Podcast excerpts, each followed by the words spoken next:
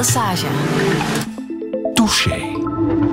Touché vandaag met vogelbeschermer Jan Rotsen. Goedemorgen. Goedemorgen, Friedel. Ik heb het even met jou afgetoetst. Hè. Mag ik jou vogelbeschermer noemen? Omdat ik nergens over jou heb gelezen dat jij ornitholoog zou zijn. Ja, dat klopt. Uh, sommige mensen denken dat ik een ornitholoog ben, maar ik ben dat helemaal niet.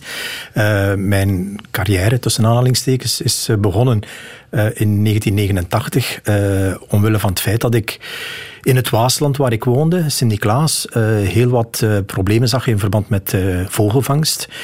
vooral spreeuwenvangst. Waasland was het, het mekka van de spreeuwenvangst. Dat zijn ja, vogels die gevangen worden voor consumptie. maar ook ja, de gewone vangst van vinkachtigen, zoals seizen, putters, kneus en zo. Dat werd allemaal gevangen met mistnetten. En ja, Waasland was er eigenlijk een, een beetje het mekka van, van de vogelvangst. Maar dan nog zou ik jou ornitholoog durven noemen, want je bent toch een vogelkenner? Uh, ja, toch hou ik ben... je niet van die uh, omschrijvingen? Nee, nee, ik ben daar ook niet voor opgeleid. uh, dit is ja, allemaal begonnen uit idealisme ja. en uit interesse. En ja, want mijn opleiding is helemaal anders geweest. Ja, hè. dat is nog altijd een groot verschil. Ja, als je ornitholoog bent, dat is dan een soort professionele vogelkenner? Ja, ja, ik denk het wel. Of mensen die echt wel, bijvoorbeeld mensen die op de ringdienst zitten van het Instituut voor Natuurwetenschappen in Brussel, of ja, mensen die echt wel uh, vogels ringen voor wetenschappelijke doeleinden, dat noem ik ornithologen, ja, die ook wel heel nauwkeurig de leeftijd van een vogel kunnen schatten. zo ver reikt mijn kennis eigenlijk ja, niet. Dat is dan uitgeklaard. Ja. Je bent natuurlijk wel al meer dan 30 jaar het boegbeeld van Vogelbescherming Vlaanderen en nu ook de trotse auteur van De Slimste Vogelgids. Mm -hmm. um, toevallig ook een van de best verkopende boeken van het moment. Je zit aan de derde druk ondertussen. Ja, klopt. Totaal onverwacht. Totaal onverwacht. Ik ben uh, echt wel verrast over het succes. Ik wist dat er een, uh, een gaatje in de markt was voor zo'n gids. want ik heb hem totaal anders aangepakt dan de bestaande gidsen. Ja, daar zullen we het straks nog uitgebreid ja, over hebben. maar dat het echt wel zo'n vaart zou lopen, had ik eigenlijk niet zien aankomen. Mag ik zeggen dat het ook een beetje jouw testament is bij Vogelbescherming Vlaanderen? ja, ik noem het een beetje de kers op mijn carrière taart. Ja, want je bent daar aan het afbouwen. Hè? Ik ben ja, zachtjes aan, aan het afbouwen, dat ja. klopt. Ja. Je bent er directeur geweest. Mm -hmm. Je bent nu nog, ja, nog altijd wat de woordvoerder en het gezicht van Vogelbescherming. Vlaanderen en nog altijd uh, hoofdredacteur van het Ledenblad. Ja, klopt. Van Mens en Vogel. Mhm. Maar hoe lang nog? Uh, wel, kijk, mijn uh, wettige pensioenleeftijd is uh,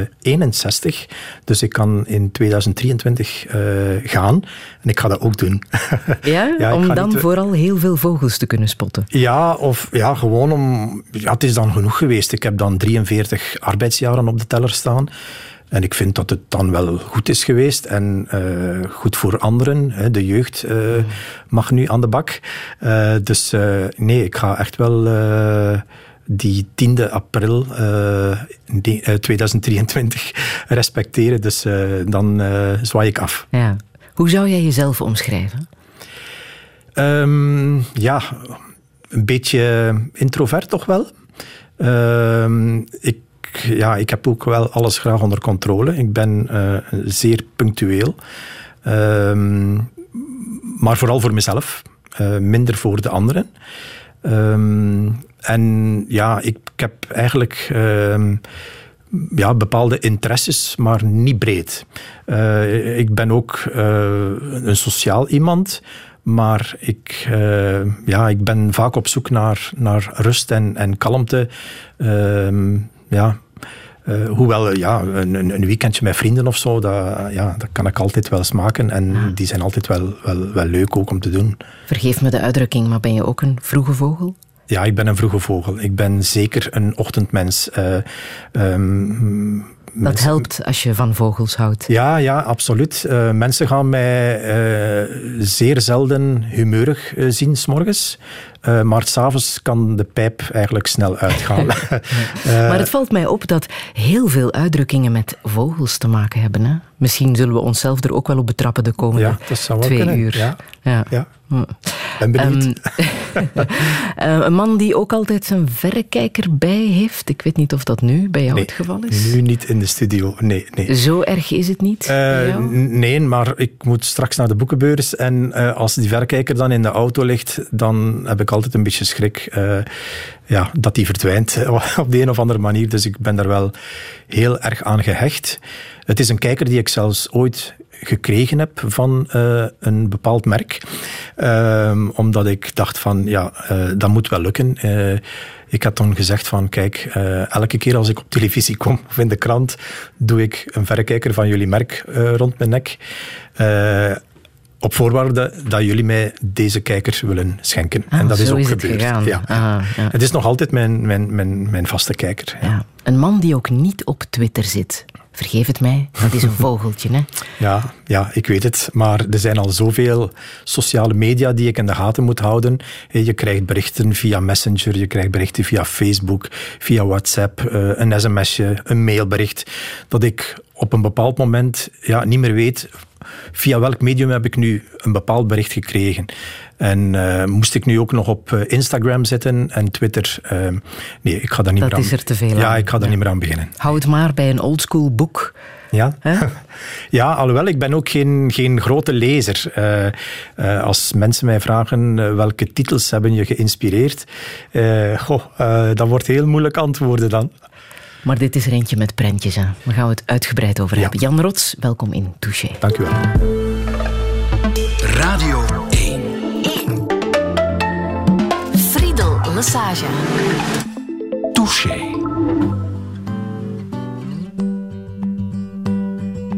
Blackbird singing in the dead of night. Take these broken wings and learn to fly all your life. You were only waiting for this moment to arise.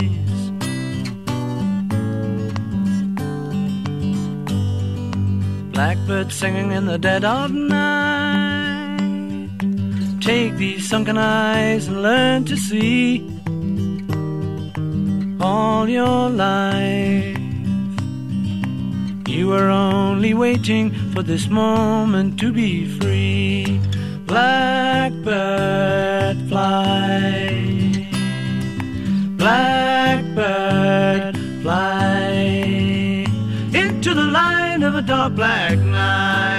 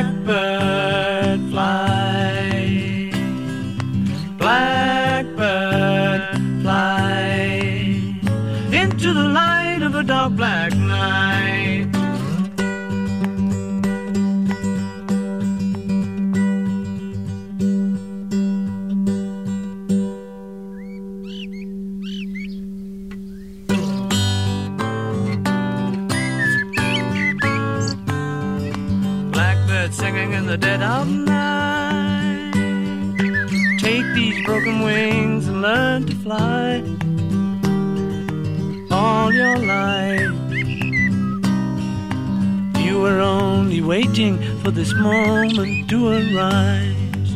You were only waiting for this moment to arise. You were only waiting for this moment to arise.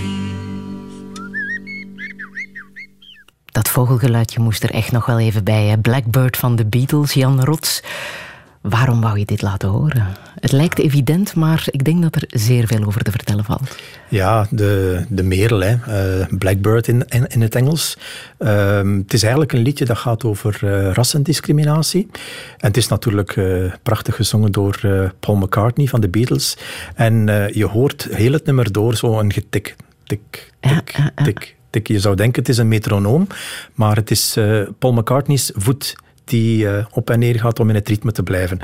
Uh, vind ik wel een leuk, een leuk weetje. Maar ja, die, die zang van de merel. Ehm, in Nederland is hij ooit verkozen tot mooiste natuurgeluid. En ik vind dat ook terecht. de merel is alomtegenwoordig. Het is een van onze meest talrijke broedvogels in, in Vlaanderen. En uh, ja, het is een gewone tuinvogel. Iedereen kent de merel, uh, vooral het mannetje dan, want over de vrouwtjes wordt er wel eens getwijfeld of het geen zanglijster is of zo, uh, want die ziet er toch een beetje anders uit. Um, maar ja, de merel is een, gewoon, ja, een gewone vogel en elke, elk voorjaar als ik zijn zang terughoor, dan denk ik oef, ja, de winter zit er bijna op en we gaan naar het, uh, het mooie seizoen. Ja. De zang van de vogels, dat is het enige wat we niet meekrijgen in de mhm. slimste vogelgids. Hè? Was dat een, eh, een frustratie? Uh, ja, ja, dat is iets waar, ja, dat is inherent aan een boek schrijven. Uh, hoewel, in sommige vogelboeken zit ook een cd bij. Ja, ja. Uh, dus ik moet het er met de uitgever misschien nog eens over hebben. Uh, er was in bijhorende begin... app waar dat je kan vergelijken. Voilà. er, was, er, was, er was sprake over, over een bijhorende app. maar er zijn ook weer al heel goede apps op de markt. de meeste zijn Engelstalig. Welke zijn de beste apps om... Wel, de, de, de app die ik op mijn smartphone heb staan, dat is de Collins Bird Guide. En uh, die vind ik uh, zo goed omdat de tekeningen, uh, ook die van de ANWB-gids, toch wel de Bijbel onder de vogelgidsen ehm, mag genoemd worden. En ja, die tekeningen die zijn van Dan Zetterstrom. dat is een, een Zweedse ornitholoog die fantastisch kan tekenen. En Um, ja, en ja, in het boek en in, op de app staan uh, alle kleden vermeld. Dus uh, overgangskleden, dus winterkleed, zomerkleed, uh, juveniele kleden. Bijvoorbeeld de meeuwen, die kunnen soms wel vier kleden hebben voor ze het volwassen kleed dragen. En dan moet je die meeuw kunnen op naam brengen. Eerstejaars, tweedejaars, derdejaars of vierdejaars kleine mantelmeeuw. dit is een hele moeilijke groep om te determineren. Ja, maar dat klinkt al ja, ongelooflijk gedetailleerd. Ja, ja, Als je daar als beginnende vogelspotter begint in te bladeren, dan uh, ja, ja. vind je tussen het bos de bomen niet Ja, inderdaad. De, de, de beginnende vogelaars die verliezen daar gewoon een weg in. En dat is de reden waarom jij de slimste vogelgids hebt uh, ja, gemaakt. Hè? Het was moeilijk om een naam te kiezen, maar uiteindelijk is het dat dan geworden. Uh, gewoon... Wat geef jij wel mee in, in jouw boek? Wel, uh, het, het, grote verschil in vergelijking met de meeste andere vogelgidsen die op de markt te vinden zijn, ehm, is de rangschikking. De rangschikking van klein naar groot. Dus gemeten volgens ja, lichaamslengte uh, van staartpunt tot snavelpunt. Zeg dat tegen een boekenliefhebber, rangschik je bibliotheek van klein naar groot dan wordt er heel even geslikt, denk ik. ja, Hoe klinkt dat in, in de vogelwereld, als je zoiets zegt? Ik heb mijn boek uh, gerangschikt volgens klein naar groot. Uh, soms kritisch. Uh, ik heb een aantal recensies gelezen, zowel in Vlaanderen als in Nederland. En sommige mensen zeggen van, ja, één minpuntje misschien is de rangschikking van de vogels niet volgens familie, zoals in de gebruikelijke gidsen, maar volgens lichaamsgrootte. En daar hebben ze wel heel wat twijfels bij. Maar ik merk aan de mensen die het boek kopen en die geen geroutineerde vogelaars zijn, dat die het echt wel kunnen smaken en die zeggen van eindelijk ga ik nu ja, uh, kunnen vogelen en blijven vogelen. Want vele mensen geven het op na een tijdje, omdat ze inderdaad, zoals u zegt, eh, de bomen door het bos niet meer zien. Uh, je moet weten, in de meeste gidsen staan dan alle Europese soorten beschreven en soms ook nog uh, de Noord-Afrikaanse en de, een aantal Aziatische soorten. maar ja, dat gaat dan over 540 vogelsoorten. En ja, de mensen vinden gewoon een weg daar niet in. Jij hebt je beperkt tot 192 broedvogels van België België en Nederland. Ja. Broedvogels. Wat mhm. begrijp je daaronder? Ja, en je zou misschien ook de vraag kunnen zeggen, waarom geen 200? Netjes afgerond. Ja, nee, dat heb je ook niet gedaan. Nee, maar ik heb me gebaseerd op de bestaande rode lijsten. Hè. Dus rode lijsten zijn lijsten die uh, opgesteld zijn uh, door Europa, dus door de YUCN, uh, de International Union for Conservation of Nature. Ehm, en alle lidstaten moeten dat volgen. en zij moeten natuurlijk op hun eigen grondgebied, bijvoorbeeld in Vlaanderen, moeten zij zelf zien welke soorten er tot welke categorie van rode lijst behoren. Je hebt verschillende soorten categorieën. Het begint bij momenteel niet in, bedrijf, eh, niet, eh, niet in gevaar. Dat zijn dan de vogels die, nog, die het nog goed doen, zoals de merel bijvoorbeeld, de kraai en de ekster, de kou en nog een aantal algemene soorten. En dan gaat het steeds slechter met de soorten. Dus in, ja, in, in de hoogste categorie ben je dan al ernstig bedreigd. Uh, en dat is eigenlijk een categorie waar wij de vogels liever niet in zien staan. Mhm. Maar die categorie wordt uh, elk jaar wat groter. Dus uh, er is nog heel wat werk aan de winkel. Ja, maar broedvogels dus, die heb je opgenomen. Wat moeten we begrijpen onder Ja, dat zijn de regelmatige broedvogels. dus dat woordje regelmatig wil ik erbij vermelden. Omdat dat ook zo gedefinieerd is voor de rode lijsten. Dat, dat zijn, vogels die hier in ons land of in Nederland broeden. Ja, klopt. Maar soms ook wel wegtrekken. Ja, inderdaad. wil niet zeggen dat ze altijd in ons land blijven. Nee, nee, inderdaad. Dus het, gaat, het gaat dus effectief om broedvogels. En het gaat om vogelsoorten die sinds 1900 in minstens tien aaneengesloten jaren in Vlaanderen of Wallonië of Nederland hebben gebroed. Dus alleen die soorten staan erin. Ik heb een recensie gelezen op bol.com uh, over mijn boek. En die man zegt, ja, uh, alleen jammer dat er een aantal soorten ontbreken. Onder andere de zeearend en de velduil inderdaad, die ontbreken in het boek, omdat dat geen regelmatige broedvogels zijn. Dat zijn vogels die sporadisch tot broeden komen en het volgende jaar weer, weer niet. Uh, dus, uh, dus die continuïteit moet er wel in zitten om in het boek opgenomen te mogen worden. Ja. Hoe ga je nu te werk? Want je kan natuurlijk moeilijk een vogel bekijken en tegelijkertijd in jouw boek bladeren. Mhm. Om te zoeken welke vogel je nu eigenlijk aan het spotten bent. Ja. Uh, wat moet je doen als je een vogel ziet? Waar moet je op letten? Ja, ten eerste uh, ga je best altijd op pad met een verrekijker, want vogels zijn toch wel redelijk schuw en enkel maar van redelijk ver te, te observeren.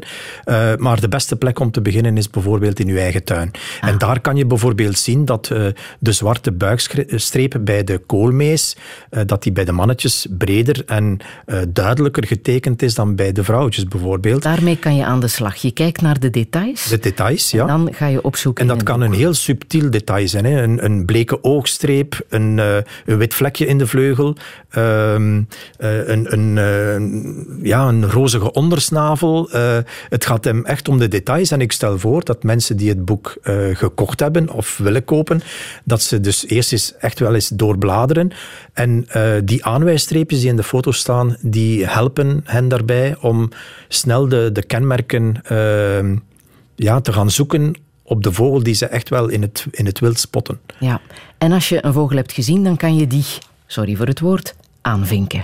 Ja, die kan je aanvinken voor de liefhebbers. Uh, uh, op elke pagina staat inderdaad een verrekijkertje, een, een icoontje van een verrekijker. En dan maakt het niet uit of je het vrouwtje of het mannetje hebt gezien? Nee, denk het niet. Dus het gaat gewoon om de, om de soort. Het is uh, een, een bijkomstigheid die mij ingefluisterd is door de uitgever, Houtenkit.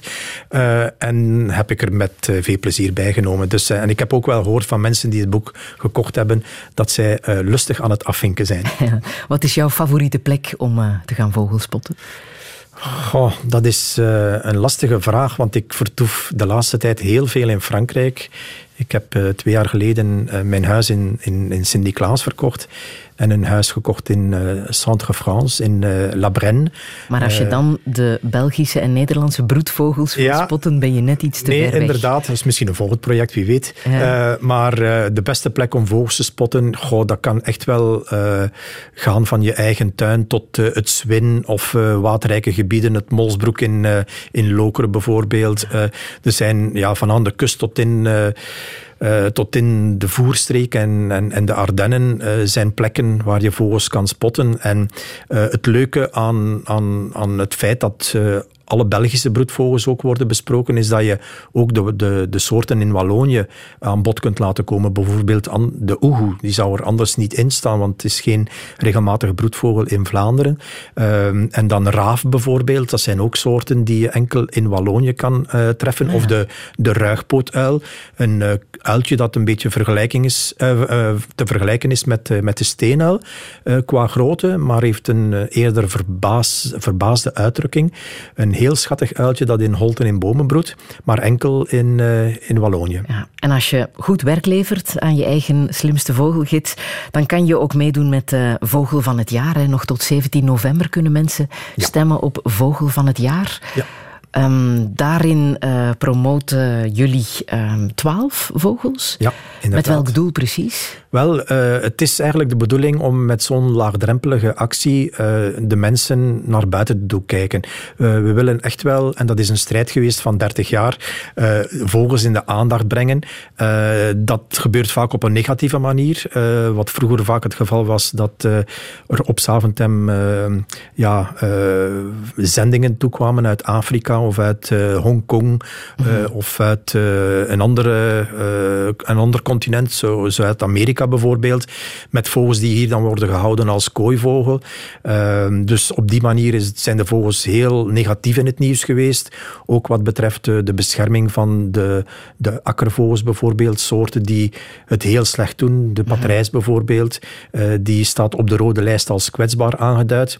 Maar in dezelfde regio, dus Vlaanderen, staat hij ook op de jachtwildlijst. En dat is eigenlijk een contradictie die we de wereld willen uithelpen met ja, En wie maakt het meeste kans op Vogel van het Jaar? Oh, uh, dat is een... Uh, Als het aan jou lag, hè? op wie zou jij stemmen? Uh, ik heb gestemd. Mogen we het weten? Ja, ik was aan het twijfelen tussen de fluiter en de paap. Het paapje ook wel genoemd. maar het is uiteindelijk de paap geworden. het is een klein vogeltje van het buitengebied, maar oh zo mooi.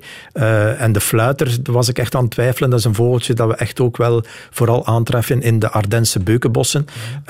en die heeft een heel typische zang, want vogels zingen, die fluiten niet. En toch noemt die vogel fluiter. Ehm, en ja, het, was een beetje een, uh, ja, een twijfelgeval. Maar uiteindelijk is het de paap geworden. Ja, ik ga ze zo meteen eens opzoeken in de slimste vogelgids.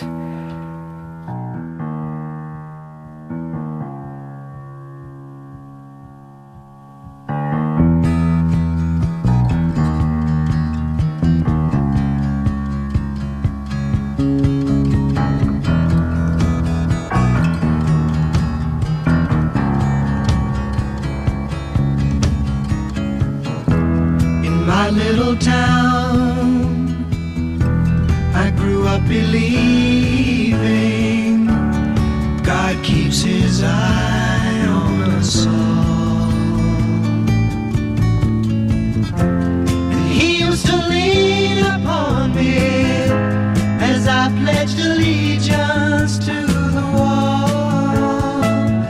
Lord, I recall my little town, coming home after school, flying my bike past the gates of the factory.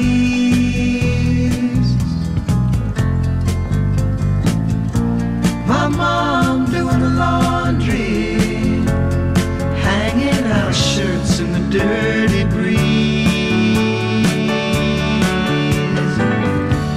And after it rains, there's a rainbow, and all of the colors are black.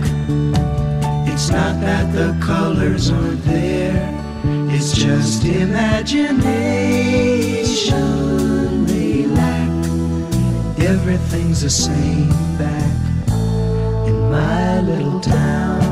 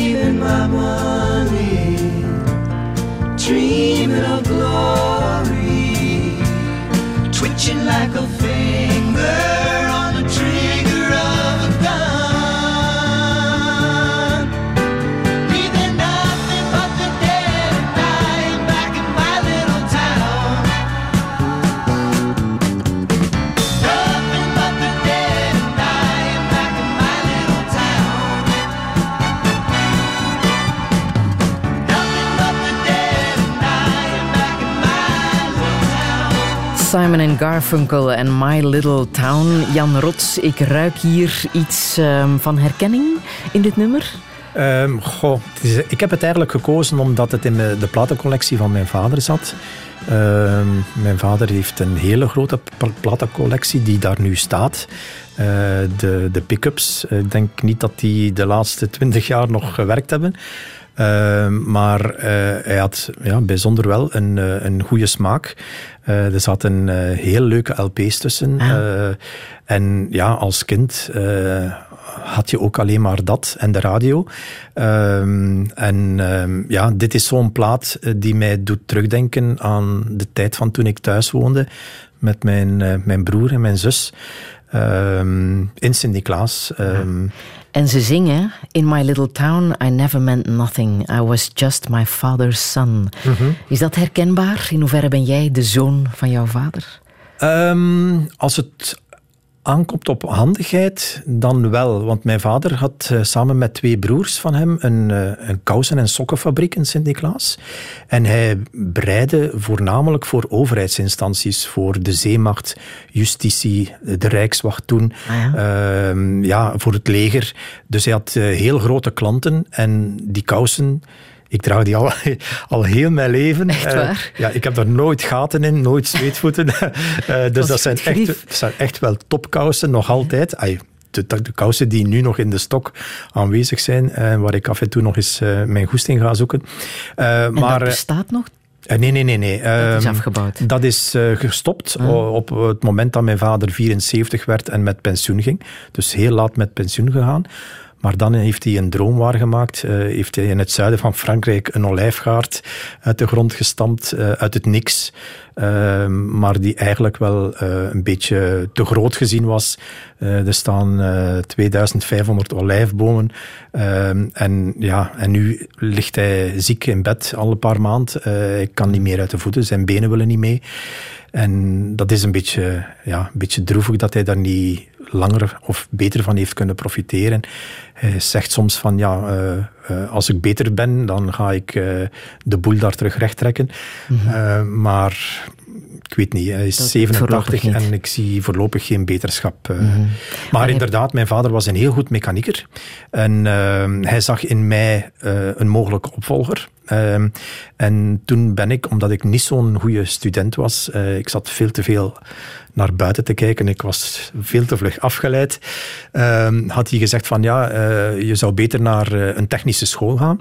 En dat heb ik dan ook gedaan. Ik heb een oriëntatiejaar gedaan waar ik dan alle mogelijke richtingen kon uitproberen. Houtbewerking, mechanica, elektronica en ook breikunde. En ik ben dan begonnen met mechanica. En nadien heb ik dan breikunde verder gezet in, ja, met, met de gedachte van ja, ik ga ooit eh, de zaak van mijn vader overnemen. Uh, dus jij kan dat? Jij kan kousen breien? Uh, nee, kousen niet. Ah, okay. uh, nee, ik heb eigenlijk vooral die mechanica gestudeerd om herstellingen aan te brengen aan, aan textielmachines. Ah. Uh, dus eigenlijk breien, ik heb dat wel gedaan tijdens mijn opleiding en dan heb ik voornamelijk sjaals gebreid voor mijn vrienden in de KSA uh, met de kleuren van ja, blauw en, uh, en oranje. heb ik veel sjaals gebreid, want je moest ook vaak oefenen op school. Dus waarom dan niet iets doen ja. waar je dan achteraf nog iemand mee blij kunt maken. Ehm, maar het is uiteindelijk zover niet gekomen. Ik heb wel een... een ja, moeten, hoe zeiden ze dan, op leercontract geweest ja, uh, bij een bedrijf dat herstellingen deed. Uh, de bedoeling was om daar uh, ja, de arbeidsmarkt te leren kennen en hoe het is om, om, om te werken voor, uw, voor uw broodwinning. Ehm, maar uiteindelijk ben ik daar wel tien jaar blijven plakken, omdat het, ik had zo'n goede baas. Ik had een, een hele fijne meestergast en toffe collega's. En ik deed dat wel graag, zo die herstellingen doorvoeren. Ik ga een kleine anekdote uh, vertellen over mijn vader dan. Uh, die kwam... ik moet nog lachen als ik eraan denk. Die kwam op een bepaald moment met een, een, een, een, stukje van, zijn, van een kousenmachine die, dat kapot was. En hij zei, ja, geef dat maar aan Felix. En Felix is, was mijn meestergast. Een hele competente man. ja, die, die, ja, die had voor alles een oplossing. En ehm, dus Felix komt in, in het atelier en zegt, ah, ik heb hier een stukje van uw papa, heb je zin om dat te maken? En ik keek eens om te zien of ik het wel kon. En ik zei, ja, geef maar aan mij. Dus ik maakte dat, ik herstelde dat, ik bracht dat dan naar voren bij de baas. En die belde dan mijn vader op, ah, uw stuk is klaar. En mijn vader kwam dan in het bureau en, en zei tegen mijn baas... Allee, Felix is weer goed gedaan. Uh, wenst een proficiat. Ah, zegt mijn baas, het is niet Felix die het gemaakt heeft, het is uw zoon die het gemaakt heeft. Uh, ja, toen was hij even uh, sprakeloos. maar ja, dus je ziet ook weinig vertrouwen kreeg ik van mijn vader. Ja? Ja, ehm, hoewel hij wel wist wat dat ik aankon en wat niet. En uh, ja, ik was ook op dat moment al zeer uh, punctueel. Uh, ik moest er alleen over waken dat ik niet te veel tijd spendeerde om iets te herstellen omdat ik het echt wel goed, goed wou doen. Mm -hmm. maar ja, de tijd speelt natuurlijk ook mee. Time is money. En uh, ja, dan moet je die twee zaken wel kunnen combineren.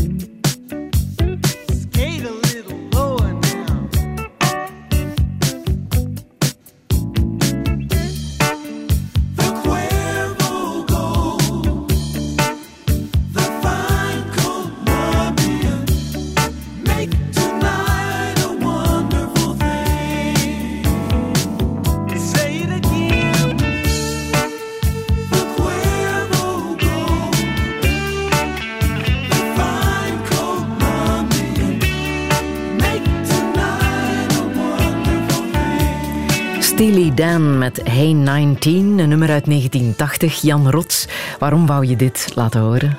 Ehm, ik vind Steely Dan, Donald Fagen, uh, de frontman, uh, vind ik gewoon fantastisch qua muziek. Uh, dat is ook heel strikte muziek, heel goed op tempo.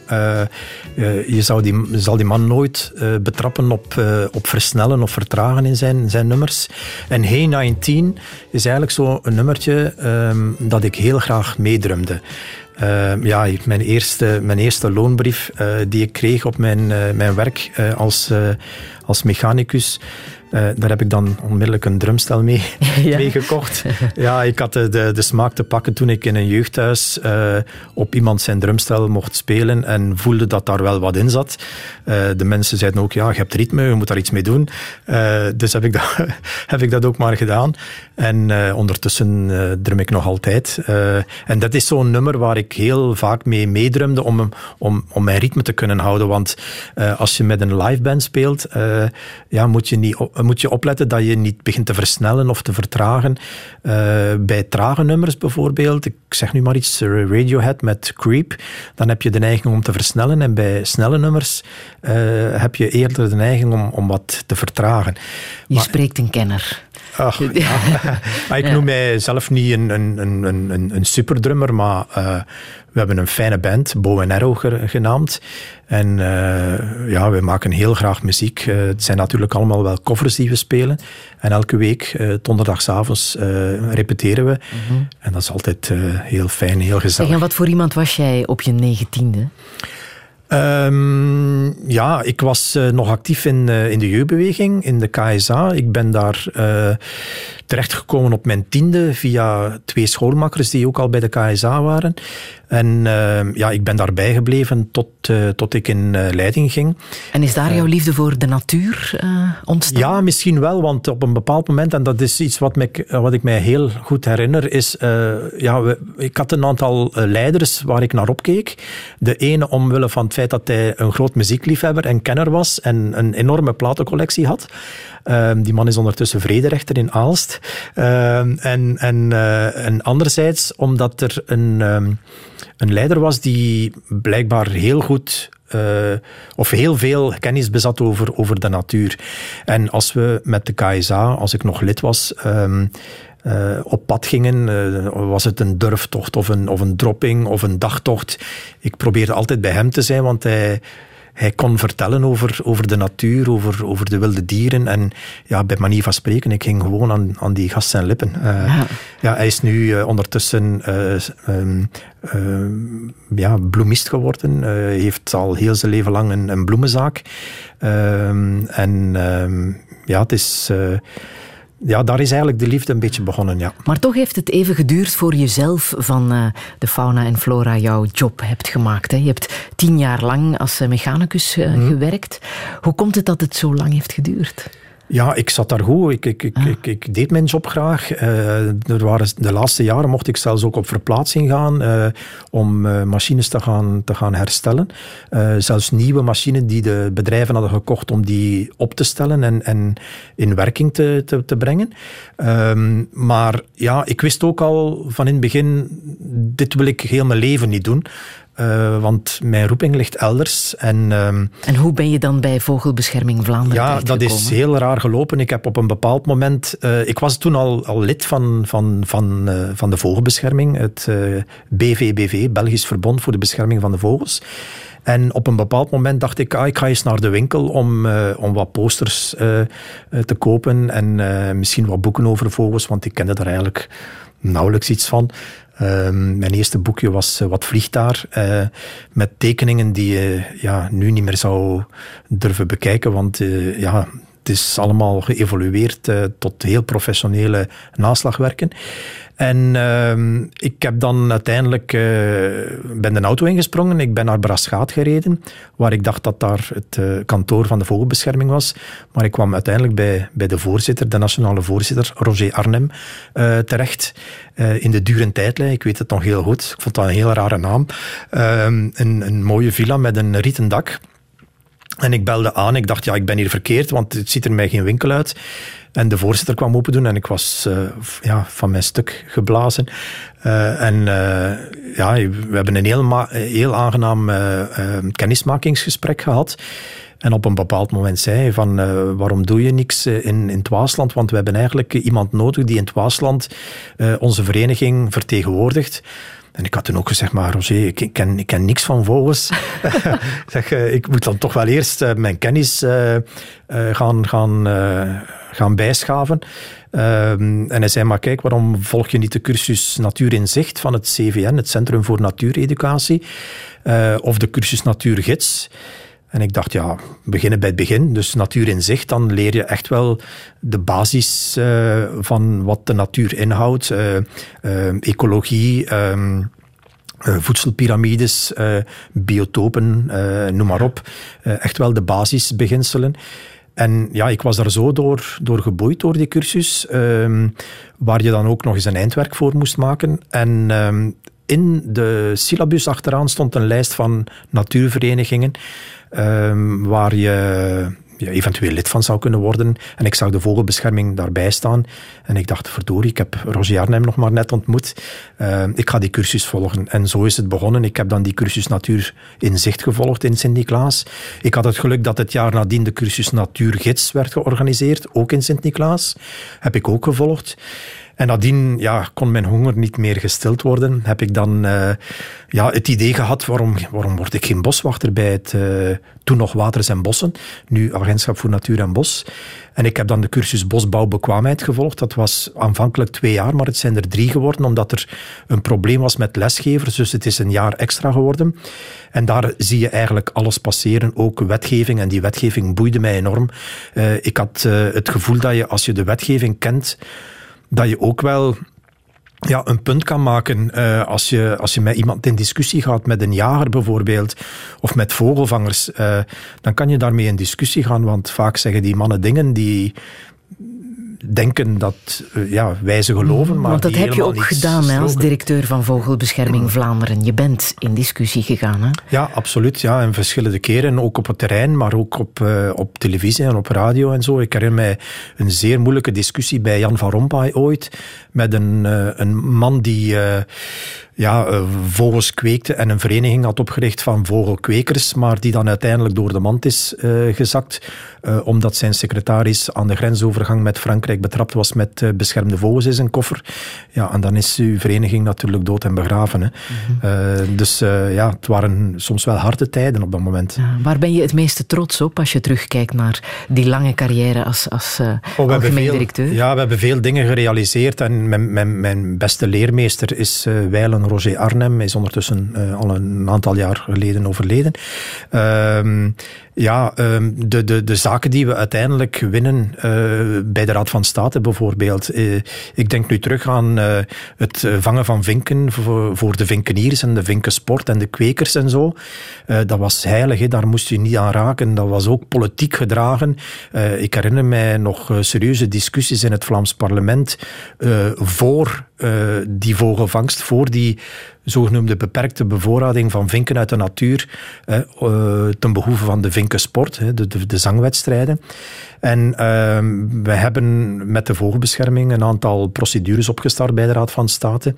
En uh, ja, die hebben wij toch wel uh, met glans gewonnen. Dus het, het vangen van vinken ten behoeve van de vinkensport is bij wet verboden sinds 2002 al. Dus dat was een grote overwinning.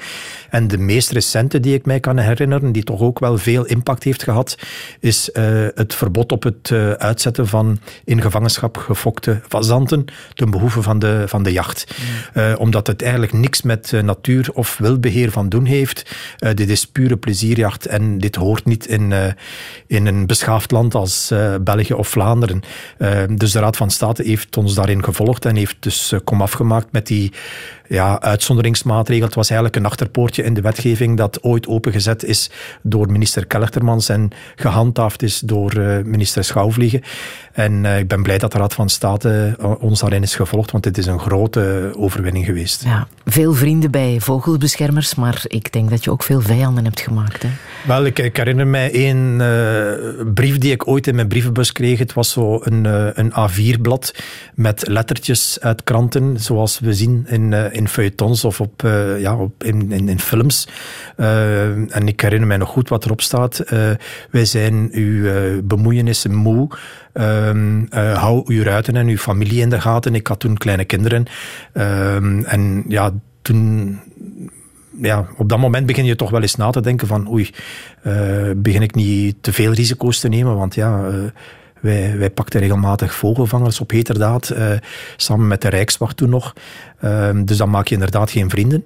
Ehm, maar er is nooit iets van gekomen. Ik heb toen wel klacht neergelegd eh, tegen onbekenden, want uh, de brief was getekend door moe getergde vogelliefhebbers. Dat was alles wat erop stond. Mm. Ehm, maar dat is toch niet, niet heel prettig. Gelukkig heb ik dat niet vaak meegemaakt en is er ook eigenlijk nooit iets concreets uh, van gekomen. En wat heeft jou de moed gegeven om toch door te zetten? Ah, die overwinningen die we halen. En, en ook het plezier, elke dag opstaan, plezier naar uw werk. Ik heb lang in Brussel gewerkt natuurlijk, op het Nationaal Secretariaat van het Koninklijk Belgisch Verbond voor de Bescherming van de Vogels in Anderlecht. Uh, maar sinds 2006 hebben we onze eigen stek met Vogelbescherming Vlaanderen in uh, Sint-Niklaas.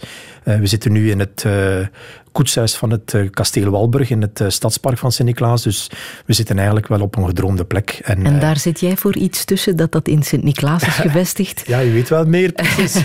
ja, Als je van daar afkomstig bent. Ja, wel kijk, ja, ik fiets elke dag naar het werk. Ehm, nu is dat van Gent naar Sint-Niklaas en omgekeerd. Maar toen was het vanuit Nieuwkerken naar Sint-Niklaas. Dat was een kwartiertje fietsen. En ehm, op een bepaald moment kom ik Wouter van Bellingen tegen. Die was toen uh, uh, in de stad Sint-Niklaas. En hij liet mij stoppen en hij zei, ah, Jan, zegt hem, we zitten met een probleempje met het koetshuis in het stadspark. dat staat veel te vaak leeg en we willen er eigenlijk een permanente bestemming aan geven. Zie je dat zitten met de vereniging? En ik dacht, maar wat een dat cadeau. Is, dat is niet waar, dat komt gewoon uit de hemel gevallen. Maar, maar, ja, ik ben er natuurlijk niet alleen om te beslissen, dus de raad van bestuur moest daar, uh, daarover ingelegd worden. Maar uiteindelijk, het zou heel uh, stom geweest zijn, moesten we dat afgeslagen hebben. Dus sinds 2011 zijn we dan uh, ingetrokken in het koetshuis en daar zitten we nog altijd.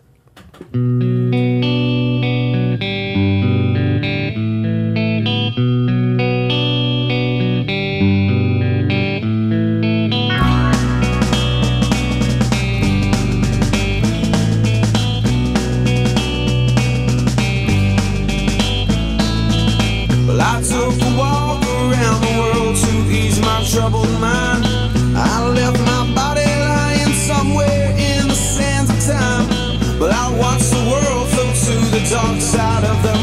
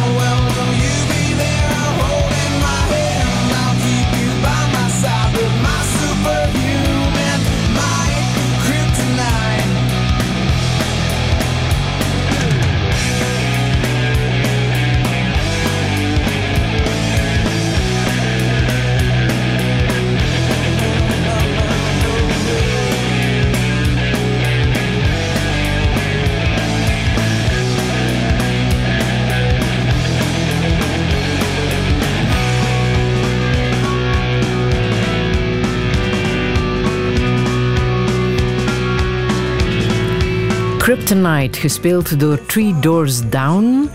Jan Rots, omdat een eigen opname van Bow and Arrow nog niet bestaat, vermoed ik.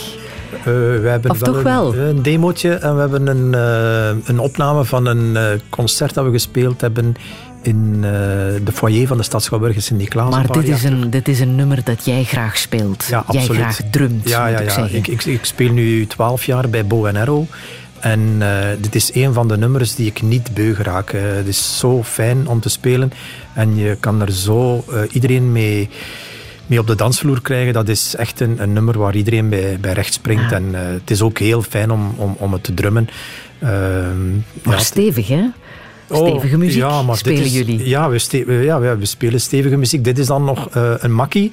Eh, maar als we dan gaan naar eh, bijvoorbeeld ehm, eh, Killing in the Name van Rage Against the Machine.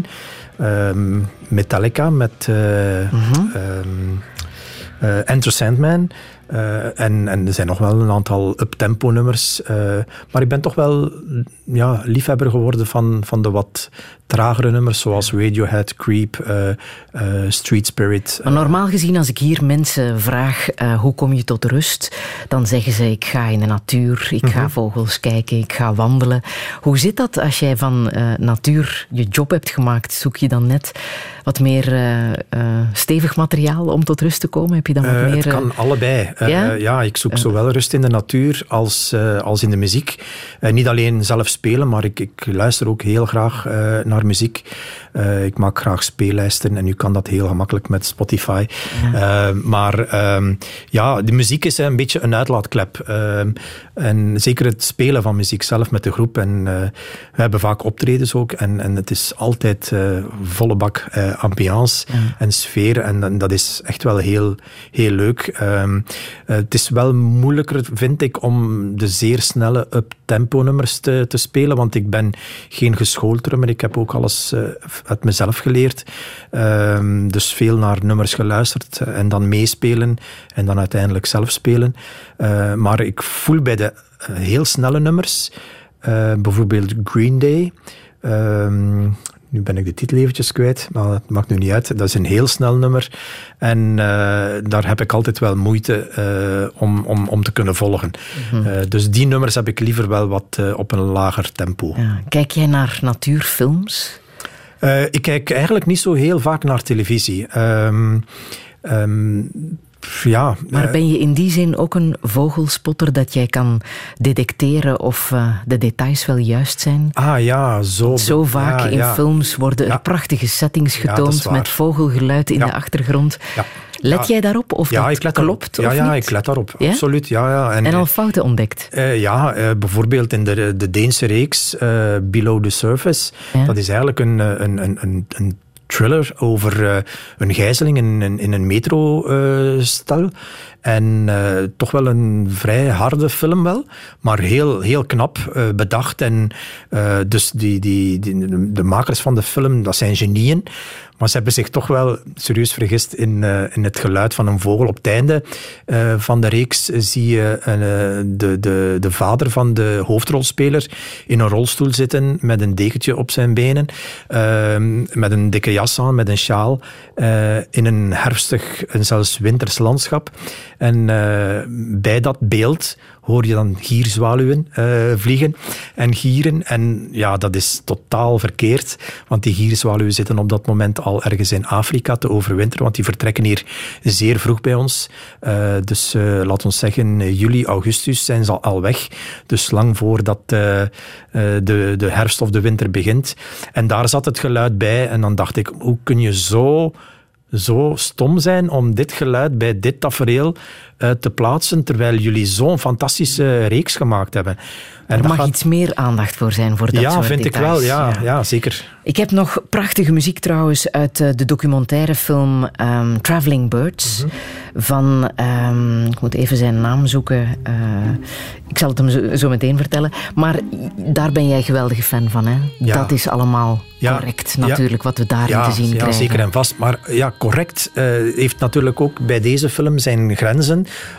Want eh, de vogels die je ziet vliegen in V-formatie. eh, er is gefilmd op eh, ooghoogte, zelfs eh, eh, dus, eh, als de vogels op doortrek zijn. Eh, hoe dat ze het gedaan hebben, dat is heel simpel met UV-vliegtuigjes. of of eh, ultralight vliegtuigjes, hoe noemen ze het eh, precies. Eh, hoe dan ook, de beelden zijn ongelooflijk mooi. Maar het gaat dus ook wel in werkelijkheid om vogels die in gevangenschap zijn geboren en opgekweekt en voor de, de film zijn gebruikt, omdat je dat met wilde vogels niet kan doen. Die zijn te schuw en die laten zich niet zomaar uh, leiden of begeleiden door, door mensen. Ja, de kraanvogels zijn dit, hè? Die terugkeren. Ja. Ja, ja, die nu ook op dit moment. Ja, ja de, trek is, uh, het hoogtepunt is voorbij, maar in Frankrijk wordt er nog veel uh, vogeltrek van kraanvogels waargenomen. 250.000 zijn er op dit moment te spotten, zei je zo net. Ja, in, uh, in Lac du Der, dat is in de Champagne-streek in Frankrijk, waar ze elke keer halt houden voor ze verder doorvliegen naar Zuid-Europa of Noord-Afrika.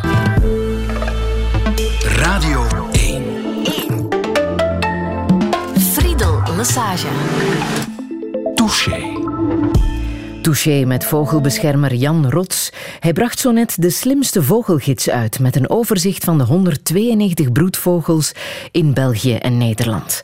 Omdat het nooit te laat is om te leren. De gids is nu al uitgeroepen tot de Bijbel voor beginnende vogelspotters. Ook al lijken vogels de braafste dieren uit het dierenrijk, toch creëerde Jan Rots als boegbeeld van Vogelbescherming Vlaanderen ook veel vijanden, vooral onder politici, jagers en boeren. Maar hij geeft niet af, want de strijd is nog lang niet gestreden. Wat is het gevolg van de klimaatproblematiek voor vogels? Wat met de wolven in ons land? En waar ligt volgens hem het echte paradijs? Dit is Touché met Jan Rots. Een goede middag. Hallo meneer de uil, waar breng je ons naartoe? Naar Fabeltjesland. Uh, ja, Fabeltjesland. En lees je ons dan voor uit de Fabeltjeskrant? Ja, ja, uit de Fabeltjeskrant. Want daarin staat precies vermeld hoe het met de dieren is gesteld. Echt waar? Echt waar. Zo lees je alles van de dieren uit het grote dierenbos. Kijk, daar heb je ome Gerrit. Ah, daar is Louis de Vos. Met een hapje in zijn bek gaat hij naar de open plek. Daar zit juffrouw Ooievaar met haar lange spitse snavel vol met bitse praatjes klaar. En tuut, tuut, tuut, tuut, wie hebben we hier? Jawel, jawel, dat is juffrouw Mier. En als je alles hebt gehad, dan gaat Stoffel pas op pad. Hallo meneer de uil, maar waar zijn Bor de wolf, de raaf en de beer? Ja, ja, de raaf en de beer. En waar is dan de rest, want er zijn er toch meer? Ja, ja, er zijn er veel meer. Want in de krant staat hier vermeld dat er twintig zijn geteld. Echt waar? Echt waar? Twintig dieren, net als mensen. Met dezelfde mensenwensen. En dezelfde mensenstreken, die staan allemaal in de krant Van Fabeltjesland. Van Fabeltjesland. Wat ben ik blij dat we dit nog eens kunnen laten horen. 50 jaar na de Fabeltjeskrant, want zo oud is eh, het Nederlandse kinderprogramma, is er een film gemaakt en zijn er ook 50 afleveringen opnieuw gedigitaliseerd en aangemaakt voor de kijkbuiskinderen van Ja, nu. de lieve kijkbuiskinderen. Want dat waren wij, hè? dat heb je ook gezien, hè? de Fabeltjeskrant. Absoluut, ja. Ja. dat mochten we niet missen. Eh, eh, elke dag zaten wij daarnaar te kijken. En dan was het stilletjes aan tijd om te gaan slapen. Hè. Dus, Ja, eh, ja, want meneer De Uil zei op het einde... oogjes toe en snaveltjes dicht, Ja, ja, zoiets. ja, ja, oogjes dicht en snaveltjes Ah, ja, van de zon. ja, ja. Maar een echte fabeltjeskrant hebben wij helaas niet. Eh, wel heel veel bladen die gaan over eh, fauna en flora. Zo Mhm. ben je zelf ook hoofdredacteur van Mens en Vogel, het Ja, ledenblad voor, eh, van Vogelbescherming Vlaanderen. Waarover schrijven jullie? Ehm, ja, over eh, alles wat eh, met vogels en andere wilde dieren te maken heeft. Want ehm, de, de vlag ehm, Vogelbescherming Vlaanderen dekt eigenlijk niet volledig de, de lading, omdat wij ons ook eh, bekommeren om het lot van andere in het wild levende dieren, zoodieren, insecten, noem maar op. Want ja, die maken ook deel uit van, van een ecosysteem, dus je kan die dingen niet los van elkaar zien. Maar natuurlijk in de eerste plaats vogels. Dat is altijd eh, een soort op de cover, waar we dan binnenin een eh, coververhaal over brengen. Dat noemt op de voorgrond.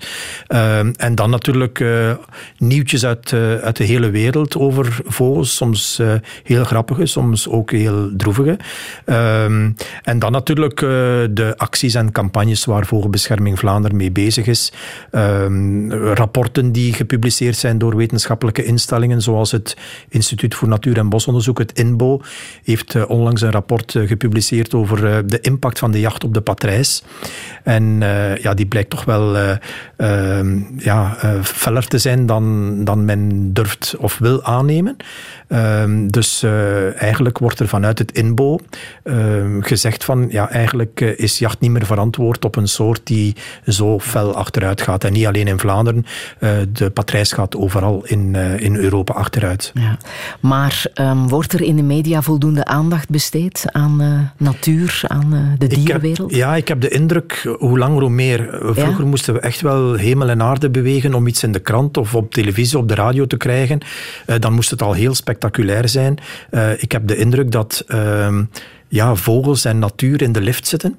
Ehm, en dat dat ook vaak opgepikt wordt door, eh, door de media. Van de week ik- las ik een artikel op VRT Nieuws over een nieuwe vogel die in ons land is gespot, de bruine klauwier. Mhm. Ja, inderdaad. Ja, dat zijn dingen die... die, die, die nou, dat was vroeger gewoon ondenkbaar dat je daar eh, mee in het nieuws kon komen. Eh, maar dat zijn zo van die dwaalgasten die, die bij ons heel accidenteel terechtkomen. Bijvoorbeeld uit koers zijn geblazen tijdens de trek. Eh, en dan ja, hier bij ons in, in, in, in België of Nederland terechtkomen. Maar vaak gaat het om maar één individu.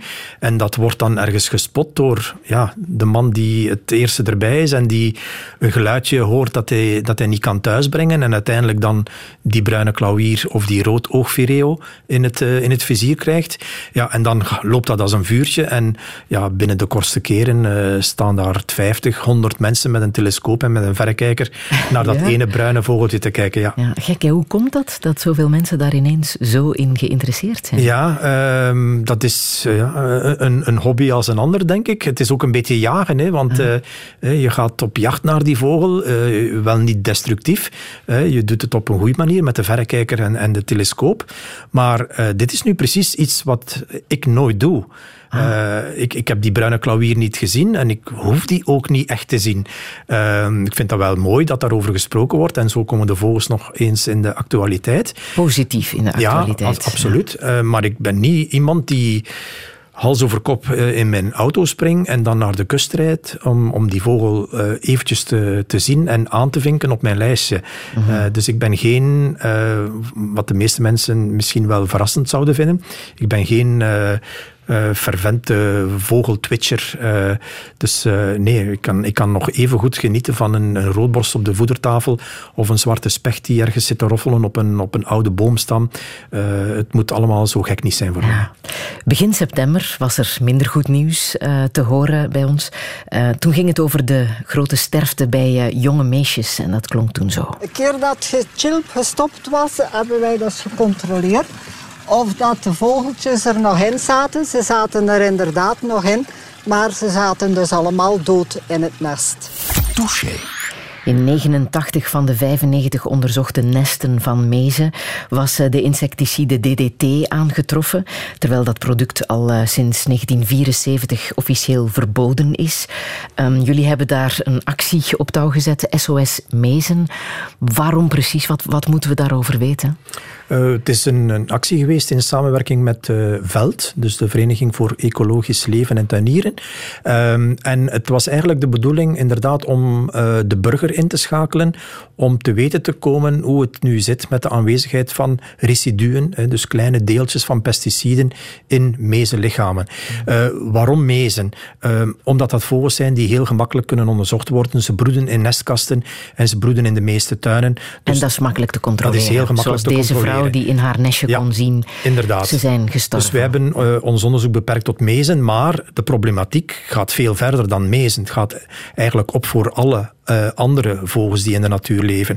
Eh, dus als, als ik dan hoor in het nieuws van, ehm, van Wim de Vilder bijvoorbeeld, die zegt van ja, de mezen hebben het moeilijk. Nee, alle vogels hebben het moeilijk, maar het, is, het zijn die mezen die zeer dankbaar zijn om zo'n onderzoek eh, op te starten. En inderdaad, eh, via eh, onderzoek is dan gebleken dat in mezenlijfjes die ocharme een week of twee weken oud zijn, dat daar al pesticiden in zitten. En dan is Zelfs pesticiden van 40 jaar oud. ja, inderdaad. En, en DDT is al een, een, een pesticide dat meer dan 50 jaar geleden verboden is. En dat zit dus blijkbaar nog altijd in onze natuur. Ofwel zijn er nog altijd mensen die daar restjes van staan hebben en het nog gebruiken. Maar ik denk eerder in, in, aan het eerste, eh, de eerste mogelijkheid, namelijk dat DDT eh, nog altijd in onze bodem en, in onze natuur zit. En dat is natuurlijk zeer onrustwekkend. Wat jullie zeggen is, als je de vogels wil beschermen, dan moet je de insecten beschermen. Ja, dat is zo. Eh, we hebben vorig jaar in ons tijdschrift een artikel gepubliceerd over de achteruitgang van de insecten. En, en, en hoe kun je dat beter illustreren met een vooruit van een auto? Eh, vroeger, als je op vakantie ging eh, naar het platteland of eender waar en je reed door de natuur, dan hing je ruit vol met, met plat, platgevlogen insecten. En nu is dat echt wel heel zeldzaam geworden. En, en, en dat is toch wel iets dat ons zorgen moet baren. Eh, want inderdaad, zoals u zegt, eh, de meeste vogels die, die, die leven van insecten. Ook de zaadetende vogels, die hebben die insecten nodig om hun jongen groot te brengen. Dus die jongen in het nest, die eten uitsluitend eh, insecten. Dat is trouwens ook de reden, en dat is misschien een, een, een randvoorbeeldje, waarom wij voeren in de zomer niet stimuleren. Dus voedsel ter beschikking stellen in de tuin voor vogels, dat doe je beter in de winter. Als er geen voedsel is. Ja, inderdaad. En, als, eh, en in de zomer hebben de, de kleine kuikens in het nest eh, echt wel 100% insecten nodig. Ze hebben die dierlijke eiwitten nodig om groot te worden. Nadien kunnen ze natuurlijk wel overschakelen naar eh, zaden, zoals de winterkoning ook doet. Eh, dus die, die, die eet ook ehm, ehm, zaden en insecten. Dus, maar die past zich natuurlijk aan omdat hij niet wegtrekt. Dus dat zijn soorten die bij ons blijven plakken, de zogenoemde standvogels. Vogels die echt wel, zonder, echt wel niet zonder insecten kunnen. Bijvoorbeeld de zwaluwen, die gierzwaluwen. Ja, die moeten noodgedwongen naar Afrika trekken omdat daar wel nog insecten te vinden zijn en omdat hun maag ja, zaden eh, niet, niet kan verteren. Maar heeft het ook te maken met onwetendheid? Dat mensen ja, hun planten, hun tuin willen beschermen tegen insecten en niet denken dat we daarmee ook de vogels eh, geweld aan doen? Inderdaad, de, aanleiding voor het onderzoek was eigenlijk eh, het probleem van de buxusmot. Dus veel mensen hebben buxushaagjes staan, buxusbolletjes, boompjes. Je kan ze in alle mogelijke vormen knippen. En het is Ehm, een ernstige plaag, hè, de buxusmot. ja, inderdaad. Het is een, een insect dat eigenlijk uit, eh, uit Azië komt. Vermoedelijk meegekomen met een lading buxussen. eh, want eh, het eh, insect zelf is niet inheems. En vreet inderdaad eh, in een mum van tijd zijn niet de, de, de, de, motten die eh, de buxusstruiken kaal vreten. Maar zijn, zijn de, de, de rupsen. Rupsen, hè. ja. En, en he- heel veel mensen hebben dan eh, naar de spuit gegrepen. eh, met alle gevolgen van die natuurlijk. Ja, de, de, de rupsen gaan dood, krijgen toxische producten eh, binnen. En ja, eh, vogels die van die rupsen leven, ja, die gaan er natuurlijk ook aan dood. En dat is wat wij eh, wilden aantonen, of er een verband was tussen het eh, spuiten van buxushagen en, het, en de abnormale sterfte in mezenkasten. En dat is zo? We hebben dat niet zo duidelijk kunnen, ehm, kunnen aantonen. Eh, maar wat we wel hebben kunnen aantonen is dat er echt wel heel veel verschillende soorten pesticiden in die mezenlijfjes wordt aangetroffen. En dat is heel bijzonder, want die, die meesjes waar het onderzoek is op uitgevoerd, ja, die hebben nooit de nestkast verlaten. Dus eh, hoe zijn die aan, die aan die residuen van die pesticiden gekomen? Dus eh, ofwel is is het doorgegeven via eh, de genen, eh, ofwel is het, is het doorgegeven, eh, doorgegeven via het voedsel dat ze krijgen. Wat kunnen we dan wel doen om zowel meer insecten in onze tuinen te krijgen als de vogels te beschermen? Ja, eigenlijk is het heel simpel. Uw tuin niet als een biljartlaken beheren, maar als een, een stukje natuur. Dus het geeft jou minder werk. Rijd eens een paar keer minder het gras af. Zorg dat uw tuin eh, in bepaalde hoekjes wat verwilderd wordt. Dat is niet alleen goed voor vogels, maar ook voor egels en andere kleine zoogdieren. Eh, je gaat zoveel meer leven in de tuin krijgen. Je gaat er zelf ook veel meer van kunnen genieten uh, dan van een gewone grasmat uh, waar dan één sierstruik op staat en dan nog een, uit, een uitheemse boom bijvoorbeeld. Dus probeer je ook te concentreren op inheemse struiken en bomen, uh, want die doen het ook beter. Die zijn ook minder onderhevig onderhevig aan, aan ziekten en, en plagen en dergelijke meer. Dus je moet het jezelf niet te moeilijk maken. maak van je eigen tuin gewoon een klein, kleine oase. En als iedereen dat doet, ja, dan uh, gaan we er al een stuk uh, op vooruit gaan, denk ik. Wat zijn de gevolgen van de klimaatopwarming voor uh, vogels? Uh, die, die, gevolgen zijn nu al merkbaar. Hè. Dus uh, ik ga één voorbeeldje nemen. De bonte vliegenvanger. Dat is een vogeltje dat uh, in Afrika overwintert en bij ons kon broeden. Staat dus ook in de, in de vogelgids. Ehm, en het probleem is dat vogels die in Afrika overwinteren niet kunnen weten dat in hun broedgebied de bomen al aan het uitlopen zijn, omdat het warmer wordt uh, door de klimaatopwarming. Dus die, die bomen die komen eerder in blad te staan en de, de vlinders gaan ook eerder hun eitjes leggen. En dus de, de rupsenpiek, waar die vogels echt wel van moeten profiteren, die missen ze vaak, omdat ze te laat aankomen in hun broedgebieden. En dat is nu echt wel al wetenschappelijk vastgesteld bij onder andere die bonte vliegenvanger. Die heeft geen Frank de Bozere in, uh, in Afrika, die zegt van, uh, ja, uh, het is lente in, in Vlaanderen, de, de, de bomen komen in blad, het mooie seizoen komt eraan. Nee, die gaan af op een interne klok. En die is nog niet bijgeregeld, die is nog niet afgesteld op die nieuwe situatie. En uh, ik denk dat heel veel vogels uh, daarmee te maken hebben en dat ze inderdaad ook uh, ja, die belangrijke rupsenpiek kunnen missen.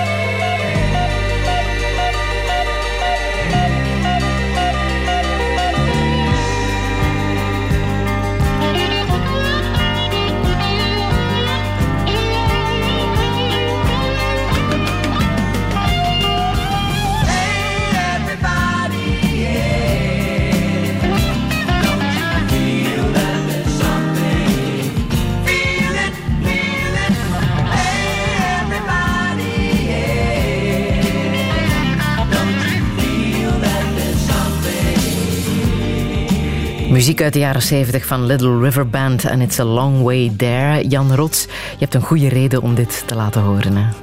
Ja, dat is uh, een van die nummers van vroeger die aan mijn lijf zijn blijven plakken. Ik vind het een prachtig nummer, een Australische band. Um, um, en ja, heeft ook wel iets te maken met vogels. Uh, it's a long way there. En we zitten nu in die periode van vogeltrek. Uh, de grootste piek is wel voorbij. Uh, maar die vogels die, die elk jaar twee keer in het jaar um, zo grote afstanden afleggen, zoals die lange afstandstrekkers, zwaluwen, uh, ooievaars, uh, boomvalken, uh, wespendieven. Dat zijn allemaal soorten die in Afrika de winter gaan doorbrengen. Hoe doen ze dat trouwens, zo'n lange afstanden afleggen en ja. de weg terugvinden? Ja, dat is ongelooflijk. zij, zij kunnen zich oriënteren op de sterren, op het maanlicht en zo, op het magnetisch veld en zo. Dus ja, zonder GPS, je moet het maar doen. Ehm, maar maar ja, die vogels die slagen er wel in. En als je nu bijvoorbeeld het voorbeeld van de koekoek neemt. Uh, die koekoek, we weten allemaal dat dat de nestparasiet is. Uh, die uh, uiteindelijk zijn ei in andere nesten legt. En dat in 10 of soms wel tot 25 verschillende nesten van waardvogels. Um, en dat die koekoeken van het moment dat die eieren gelegd zijn al naar Afrika trekken en de jongen uiteindelijk aan hun lot overlaten. Die worden grootgebracht door bijvoorbeeld een kleine of door een roodborst of een witte kwikstaart. Dat zijn dan de waardvogels. En die kleine koekoek die verlaat dan dat nest. En uh, die weet dus helemaal niks van uh, waar hij naartoe moet of hij überhaupt weg moet trekken. Maar dat zit gewoon in, in, in de genen. Dus die vogel die weet wanneer het tijd is en die vindt ook helemaal alleen, zonder de hulp van zijn ouders, de weg naar uh, de overwinteringsgebieden in, in, in Afrika. En dat is zo bewonderenswaardig aan die trekvogels. Dat is zo'n fenomeen. daar kan je niet naast kijken. Daar kan je alleen maar ongelooflijk veel bewondering voor hebben voor die vogels. Er zijn vogeltjes bij van nog arme 15, 20 gram die dan 6000 kilometer naar het zuiden trekken omdat ze hier de winter niet kunnen overleven. Dat is ja, dat is gewoon een, een, een mirakel eigenlijk. Ja, in elk geval, die trekvogels ontsnappen aan de jacht in ons land. Ook iets waar Vogelbescherming Vlaanderen um, heel erg over waakt. Uh, hoe dat verloopt, die jacht. Jullie willen transparantere jachtplannen. Hè? Daar zijn jullie al een aantal jaren mee bezig met de, de actie Schiet in Actie. -hmm, um, omdat uh, heel veel jachtplannen niet transparant zijn. Inderdaad, de jachtplannen waren gewoon niet transparant. Hè? Dus uh, uh, mensen wisten niet bijvoorbeeld dat hun eigendom, hun tuin, eventueel de weide waar hun paard loopt, uh, ingekleurd is in een jachtplan van een jager. Dus elke jager die een jachtverlof heeft, een vergunning heeft om te mogen jagen, die moet dus elk jaar een jachtplan indienen bij de arrondissementscommissaris van de provincie waar dat jachtterrein gelegen is, of het grootste deel ervan. En uh, het is wel heel bijzonder, hebben we vastgesteld, dus dat heel veel dorpskernen, uh, volledige dorpskernen met scholen, uh, bibliotheken, begraafplaatsen inbegrepen, uh, ingekleurd waren in jachtterreinen. En het beste voorbeeld was een zaak in Merelbeke. Daar hebben we dan ook een principezaak van gemaakt. namelijk dat de faculteit diergeneeskunde was ingekleurd in het jachtterrein. Het parkdomein van, van Markoeken was volledig ingekleurd, ook vijf hectare, ook niet, niet min. en uiteindelijk had die man, dus de jager die daar actief was, uh, al jaren aan een stuk zo'n vast uh, vals jachtplan ingediend. Omdat waardoor ze aan een bepaald volume moeten ja, komen. Inderdaad, ja. dus de, de, de minimumoppervlakte waar je mag, uh, waar je mag jagen is 40 hectare. Dus, dus als je 38 hectare hebt, mag je met het geweer niet in die gebieden jagen. Maar die man speelde dus klaar om 89 hectare in te kleuren en in te dienen bij de arrondissementscommissaris. Probleem is, de arrondissementscommissaris hoeft dit niet te controleren. Dus hij, noteert dat en, en, en, en zo geschiet. Dus die man die kan dan uh, met zijn geweer op jacht gaan in dat gebied. Maar uiteindelijk bleek dus dat hij maar over 14 hectare uh, beschikte uh, waarop hij recht had om te jagen, omdat alle andere percelen ongevraagd en dus zonder medeweten van de bewoners werden ingekleurd in zijn jachtterrein, precies om aan die 40 hectare aaneengesloten jachtterrein te kunnen geraken. Nu, veel mensen hebben inderdaad gecontroleerd of hun tuin mee op zo'n plan staat. En Ja, het is een klopt. actie die, die werkt. Ehm, en dat zou ook te maken hebben met de dood van wolvin Naya. Ja, dat is heel bijzonder. Het, het aantal meldingen van mensen die een, eh, een eigendom willen laten uitkleuren eh, uit een jachtgebied is sinds de dood van Naya ongelooflijk gestegen. Eh, daar hebben wij 400 nieuwe aanvragen binnengekregen via die website schietenactie.be. En dat is toch wel heel bijzonder. En ik denk eh, dat dat veel te maken heeft met de manier waarop mensen eh, naar de natuur beginnen te kijken en hoe ze ermee omgaan. Eh, de, de terugkomst van de wolf is een teken eh, dat het met onze biodiversiteit wel beter gaat. Het gaat nu wel over één specifiek gebied in, in Limburg. De wolf gaat niet kunnen gedijen in, in West-Vlaanderen bijvoorbeeld. Daar zijn veel te weinig bossen waar die, die wolf zich zou kunnen schuilhouden.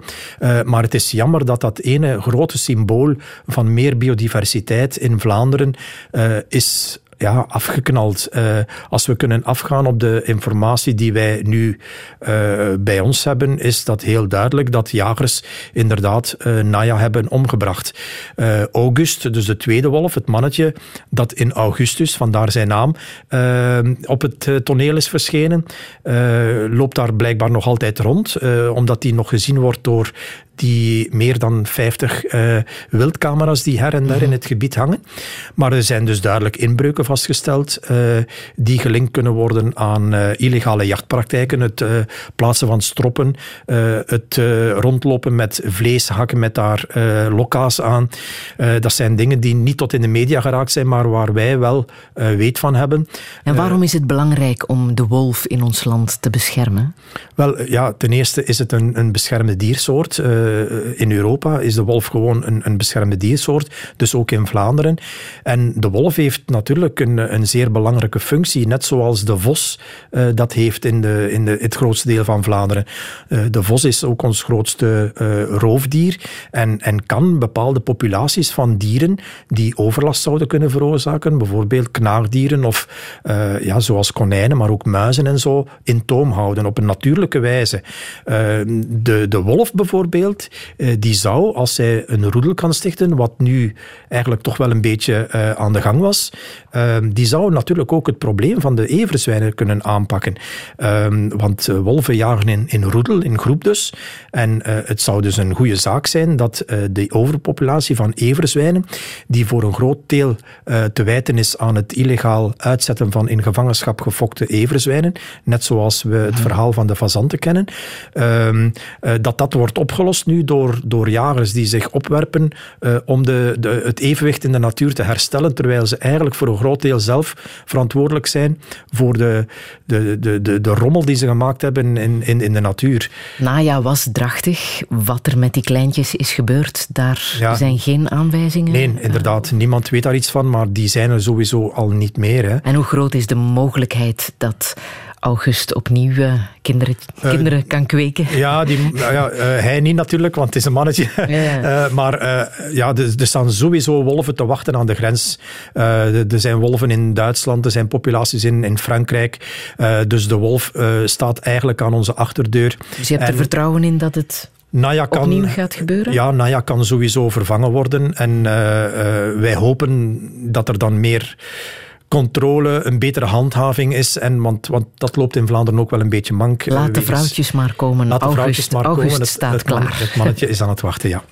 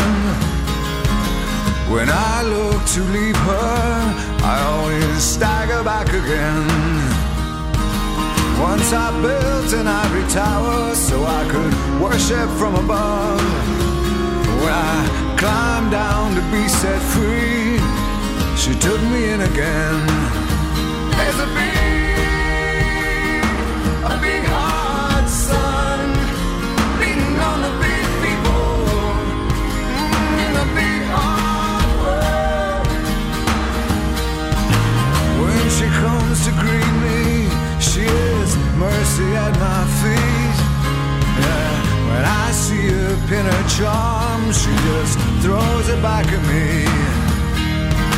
Once I dug in her grave to find a better land, she just smiled and laughed at me and took her blues back again.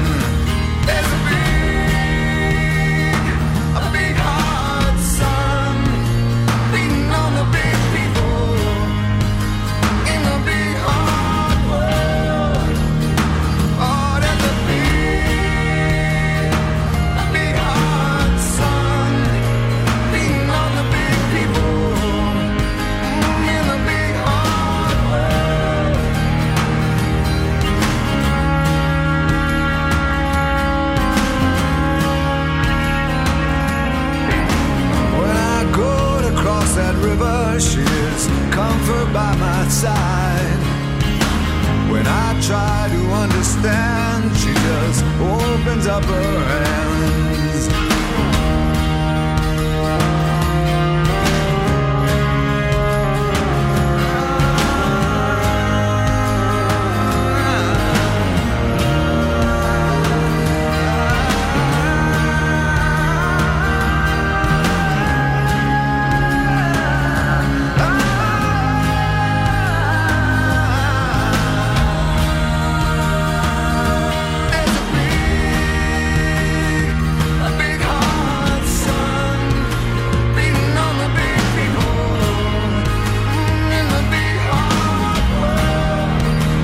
Eddie Vedder met Hard Sun, muziek die ook te horen is in de film Into the Wild van een twaalftal jaar geleden.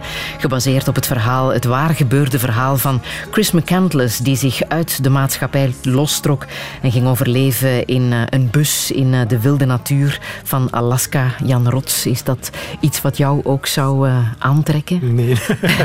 nee. Toch niet? Nee, ik zou me wel willen terugtrekken uit het drukke bestaan en het drukke leven hier. Want spoiler alles- alert, het is niet goed afgelopen trouwens. Hè, met Nee, die, nee, eh, inderdaad. Ik heb de film zelf nooit gezien. Ik zou hem wel graag eens zien. Ehm, eh, ik heb het nummer ook wel een beetje gekozen voor Eddie Vedder, eh, die een prachtige stem heeft. Mhm. We spelen trouwens met onze band enkele nummers van Pearl Jam. Dus die link is dan ook weer gelegd. Maar nee, zo terugtrekken in Alaska, ehm, nee, dat is niet aan mij besteed. Ehm, ik ben ook niet op zoek naar het grote avontuur. Ik ben ook nog weinig in andere continenten geweest. Het enige dat ik al bezocht heb is Afrika. Ehm, maar daarnaast eh, Australië, Zuid-Amerika, nog nooit geweest. En ik weet niet of dat, dat er ooit van zou komen. Eh, Je zoekt het niet ver, nee, eh, nee ehm, inderdaad. Maar wel iets gevonden eh, dicht bij huis. Ja, dan. ja, klopt. Ja. Op, eh, laten we zeggen, 640 kilometer van Gent eh, hebben we een, een stek gevonden in het Parc Régional Naturel de la Brenne. Dat is Centre-France, dus in het departement Indre. En, ehm, En wij- waarom daar? ja, waarom daar? Ehm, dat is ook een goede vraag, omdat eh, daar de tijd zo'n beetje stilgestaan is. Ehm, vooral voor vogels ook. Mijn zus heeft daar een eh, chambre d'hôte in, eh, in, in de Bren, al zes jaar. Ehm, waar dus uitsluitend natuurliefhebbers naartoe komen of mensen die workshops organiseren om aan natuurfotografie te doen. En niet alleen vogels, ook eh, orchideeën en paddenstoelen en vlinders en zo. Ehm, dus, en daar heb ik eigenlijk de streek leren ontdekken. Eh, eh, vooral de rust, de zuivere lucht, ehm, het, het, het uitgestrekte landschap. Ja, en op een bepaald moment eh, hebben we gezegd van ja, oké, eh, als ik met pensioen ga, dan is dat misschien wel iets om eh, onze oude dag door te brengen. Ehm, en we hebben de daad bij het woord gevoegd. We hebben een, ja, een huis gekocht in, in Lignac, ehm, in het zuiden van het eh, natuurpark, eh, waar het landschap te vergelijken is met dat van de voerstreek, dus licht glooiend. Ehm, we hebben geen, ehm, er worden geen landbouwgewassen verbouwd, dus ook geen pesticiden, eh, geen herbiciden, geen, geen fungiciden, dus allemaal zuiver lucht. Het enige wat er gedaan wordt is het kweken van limousinkoeien. En dat zijn dus onze rechtstreekse buurjongens en buurmeisjes, dus de, de, de, de, de lichtbruine limousin limousinkoeien, uh, waar zelfs de kalveren uh, in de weide zonder hulp ter wereld komen en waar het kalf ook bij de moeder mag blijven. Hier worden de kalveren gewoon weggenomen, wat ik ook wel een pijnlijk beeld vind. Uh, heb ik onlangs gezien op, op een sociaal medium. Um, maar daar verloopt eigenlijk alles nog natuurlijk. En de vogelrijkdom is daar zoals we die hier 30 jaar geleden kenden. Daar vliegen nog wielenwalen, nachtegalen, zwarte spechten, uh, ooievaar. boomleeuwerik zit daar gewoon in de buurt te zingen. In de tuin broedt zwarte roodstaart, gekruide roodstaart. Ehm, de siddelhors ja, ik voel het, je gaat een slimme vogelgids voor Frankrijk ook schrijven. Uh, als voor daar Frankrijk, dan, dat zou een heel dik boek worden, maar misschien wel voor de streek van de Bren, wie weet. Maar momenteel is dat zeker niet aan de orde. Ik ben al heel blij met dit boek. En, maar je hoopt daar echt ook definitief te gaan wonen? Ja, dat, is, toch wel het plan. Dat is het plan, ja. Niet alleen, denk ik. Uh, nee, niet je trekt er niet alleen Nee, nee, nee. Ik ga met mijn partner Rika. Ja. Ja, ja. ja die heb ik eh, twaalf jaar leren kennen. Dat is ook een heel bijzonder verhaal. Uh, als er tijd is, wil ik dat wel eventjes toelichten. Als je A zegt, moet je B zeggen. Hè? uh, het is eigenlijk gekomen, op een bepaald moment kreeg ik bij de vogelbescherming een telefoon van Dieren en Nesten. En ze melden mij dat er in uh, Oostakker, dus waar ik nu woon, ehm, twee eenden rondliepen met een kruisboogpijl door de krop.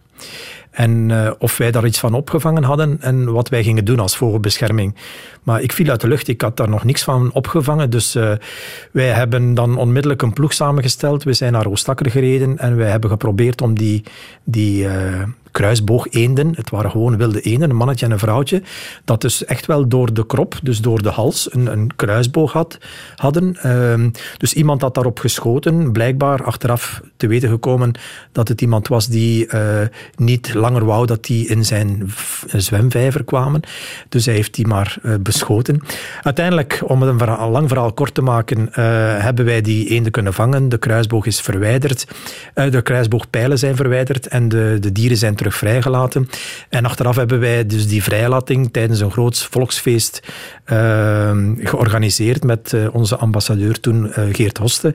En ja, daar heb ik Rika leren kennen. zij is zorgleerkracht in de Edugo-scholen in... in in Oostakker en had van alles op touw gezet om daar een echt feest van te maken. Ja, en van het een kwam het ander. Want daar heb je wel wat voor over moeten hebben om uh, die relatie mogelijk te maken. Uh, ja, inderdaad. Maar uh, ja. ja. ja. Ik ben gescheiden, maar die heeft niks met, met, met die relatie te maken. Dus de, de, de, scheiding was al langer een feit. dus ik heb ben ja, ooit getrouwd geweest. Dus, en, uh, maar dat boterde op een bepaald moment niet meer. En we zijn dus uit elkaar gegaan. En uh, drie jaar daarna heb ik maar uh, Rika leren kennen, dus het is helemaal niet uh, haar fout dat de scheiding is. is en dat nieuwe leven, wat, wat verwachten jullie daarvan in de begin? ja, wij verwachten een rustig leven, veel genieten van, van, van de open ruimte, van de natuur. maar ja, mijn partner Rika is eigenlijk wel een heel bezige bij. En die is nu al aan het uitkijken naar eventueel vrijwilligerswerk dat ze zou kunnen doen in de school daar. En uh, ja, we waren onlangs op een feestje in de zomer op, uh, op een avond. En iemand zei haar dat, dat de directeur van de school er was. Ze heeft gewoon haar, haar stoute schoenen aangetrokken, is dan naar die directeur gestapt en heeft direct gezegd van kijk, binnen drie jaar komen we hier wonen. is dat mogelijk om dan eventueel vrijwilligerswerk te doen in, in uw school? En ja, zo gaat het dan.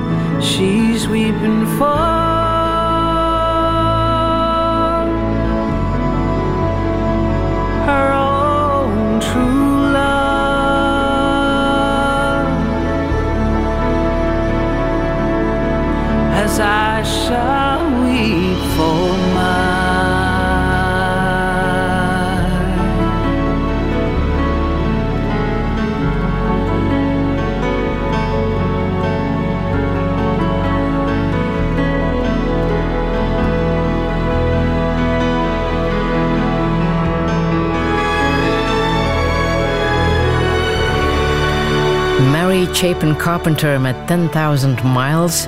Die prachtige titelsong uit de film Fly Away Home.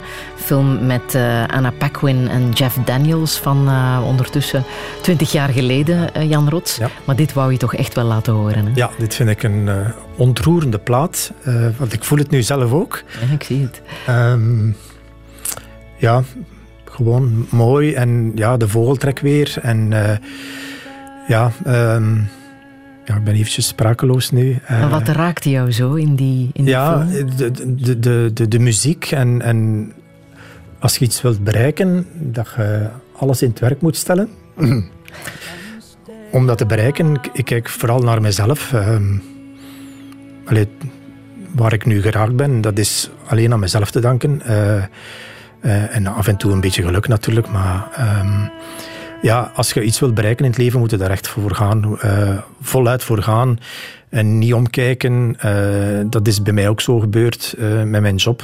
Ik ben laag geschoold, dus als mechanicus. dus, en, en, en als ik nu terugkijk op mijn carrière bij de vogelbescherming, ja, dan mag ik toch wel zeggen dat ik een, een heel mooie job heb gehad, een heel fijne tijd heb beleefd. Ja. Mhm. Je hebt gedaan wat je echt wou doen. Ja, absoluut. Ik, heb daar ook alles voor gegeven. Eh, en dat is misschien een van de redenen waarom het met mijn eerste eh, huwelijk is eh, spaak gelopen. Weinig tijd, veel werk mee naar huis nemen, veel weg in het weekend. alles wegcijferen voor de vereniging. Eh, eh, ja, de vereniging staat er nu ook wel. We, we gaan binnenkort beginnen met Vogelbescherming Vlaanderen 2.0. Met een nieuwe directeur, eh, nieuwe personeelsleden die ongelooflijk idealistisch en gemotiveerd zijn. Eh, dus eh, het komt helemaal goed met de vereniging. Ja, ja. Maar jij bent aan het afbouwen, zeiden we al in het Ja, begin. klopt. Je bent Ja. 57 Ik nu? ben 57, ja. Ja, wat zou je echt nog willen in het leven? Ehm, als ik iets echt zou willen, uit het diepste van mijn hart, dat is eh, wat meer contact hebben met mijn kinderen. Want ik ben die zo'n beetje kwijtgespeeld ehm, door de scheiding. Ehm, en ik zie ze eigenlijk te weinig. Gebeurt wel vaker, hè? Dat Ja. door een scheiding... Ja, het, het, het probleem is eigenlijk een beetje dat ik eh, altijd zelf moeite moet doen om, om contact te hebben, anders hoor ik ze helemaal niet. Ehm, en en dat, dat is, ja, zou ik heel jammer vinden. En ik, ja, ik zie ook dat ze het heel goed doen. De, twee- de twee jongens hebben eh, alle, allebei een, een goede job. Eh, de, het meisje is nog aan het studeren voor milieuwetenschappen, dus die, die, die zit toch wel een beetje in mijn voetsporen. Ze heeft een bachelor dierenzorg eh, met, met, met onderscheiding afgewerkt. Dus ik kan alleen maar trots zijn op die kinderen. Eh, maar ik zou ze toch wel vaker willen zien. Eh, Ik nodig ze heel graag uit naar Frankrijk, maar dan weten ze dat ze daar welkom zijn. En als het past in hun agenda, eh, pas ik die van mij heel graag aan. Ja, want dat is iets wat je vaak ziet hè, in scheidingen, dat er gekozen wordt op een of andere manier. Wat zou jou kunnen helpen, of had jou kunnen helpen in jouw situatie? Om het evenwicht te bewaren met kinderen? Ja, ehm, ja, er was eerst een afspraak om, om, om de kinderen ook wel regelmatig bij mij te hebben. Maar op een bepaald moment eh, is dat dan niet meer gebeurd. Dus eh, ehm, ik nodigde ze dan vaak uit om eens te gaan wandelen of ergens iets te gaan eten of zo. Eh, dus ik probeerde toch wel dat contact te herstellen, want het is echt wel volledig weg geweest. En, ehm, maar allee, ik denk ook wel, ik zie dat nu ook vooral bij de jongens, dat ze eh, heel graag eh, met mij omgaan. Eh, als we iets afspreken om te gaan drinken of te gaan eten en zo, dan is het altijd heel leuk en lachen geblazen en herinneringen van vroeger op, oproepen. Dus dat zijn wel altijd leuke momenten.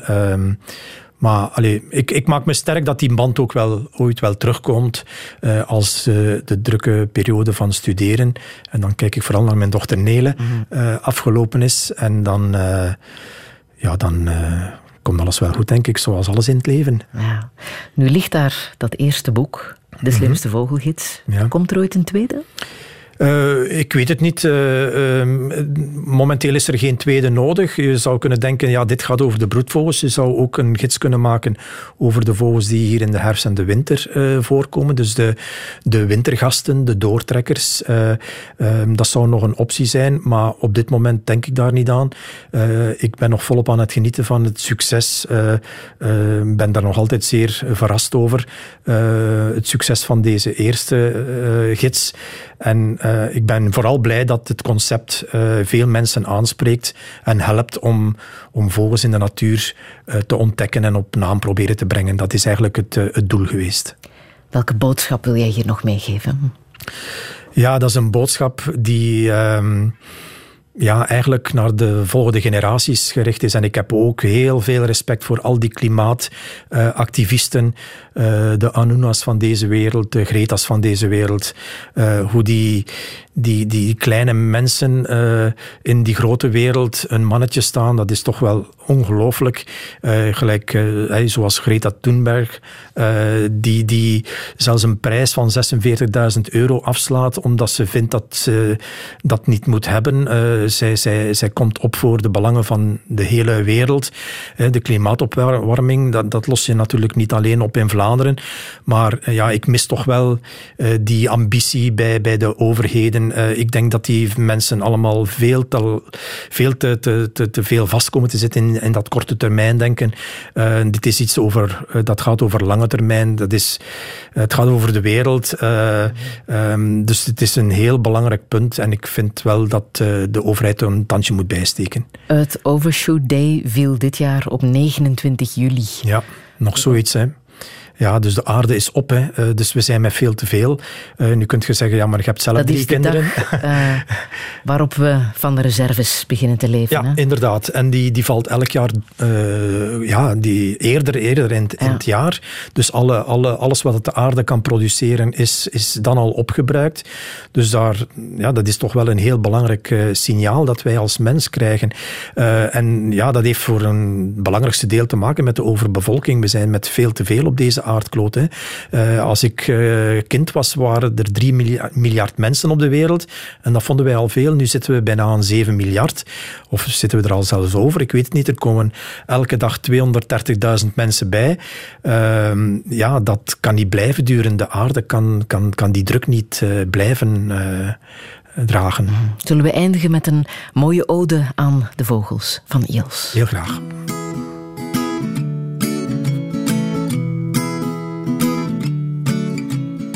I can't look at the rocket launch. the trophy wives of the astronauts. And I won't listen to their words, cause I like birds.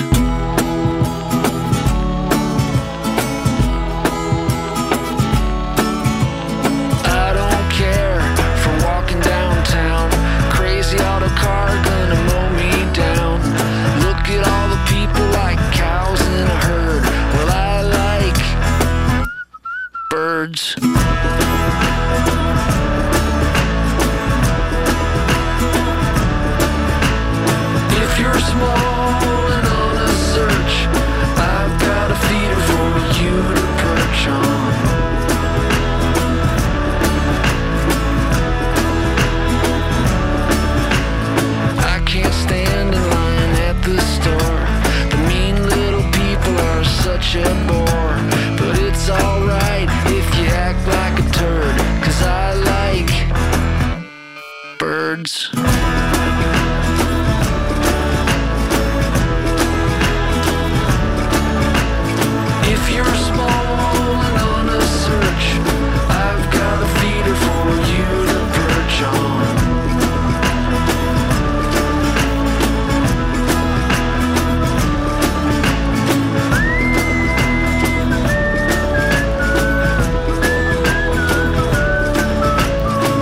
Eels met I Like Birds zetten we mee op de Spotify-lijst van uh, Touché. Met dank aan Jan Rots.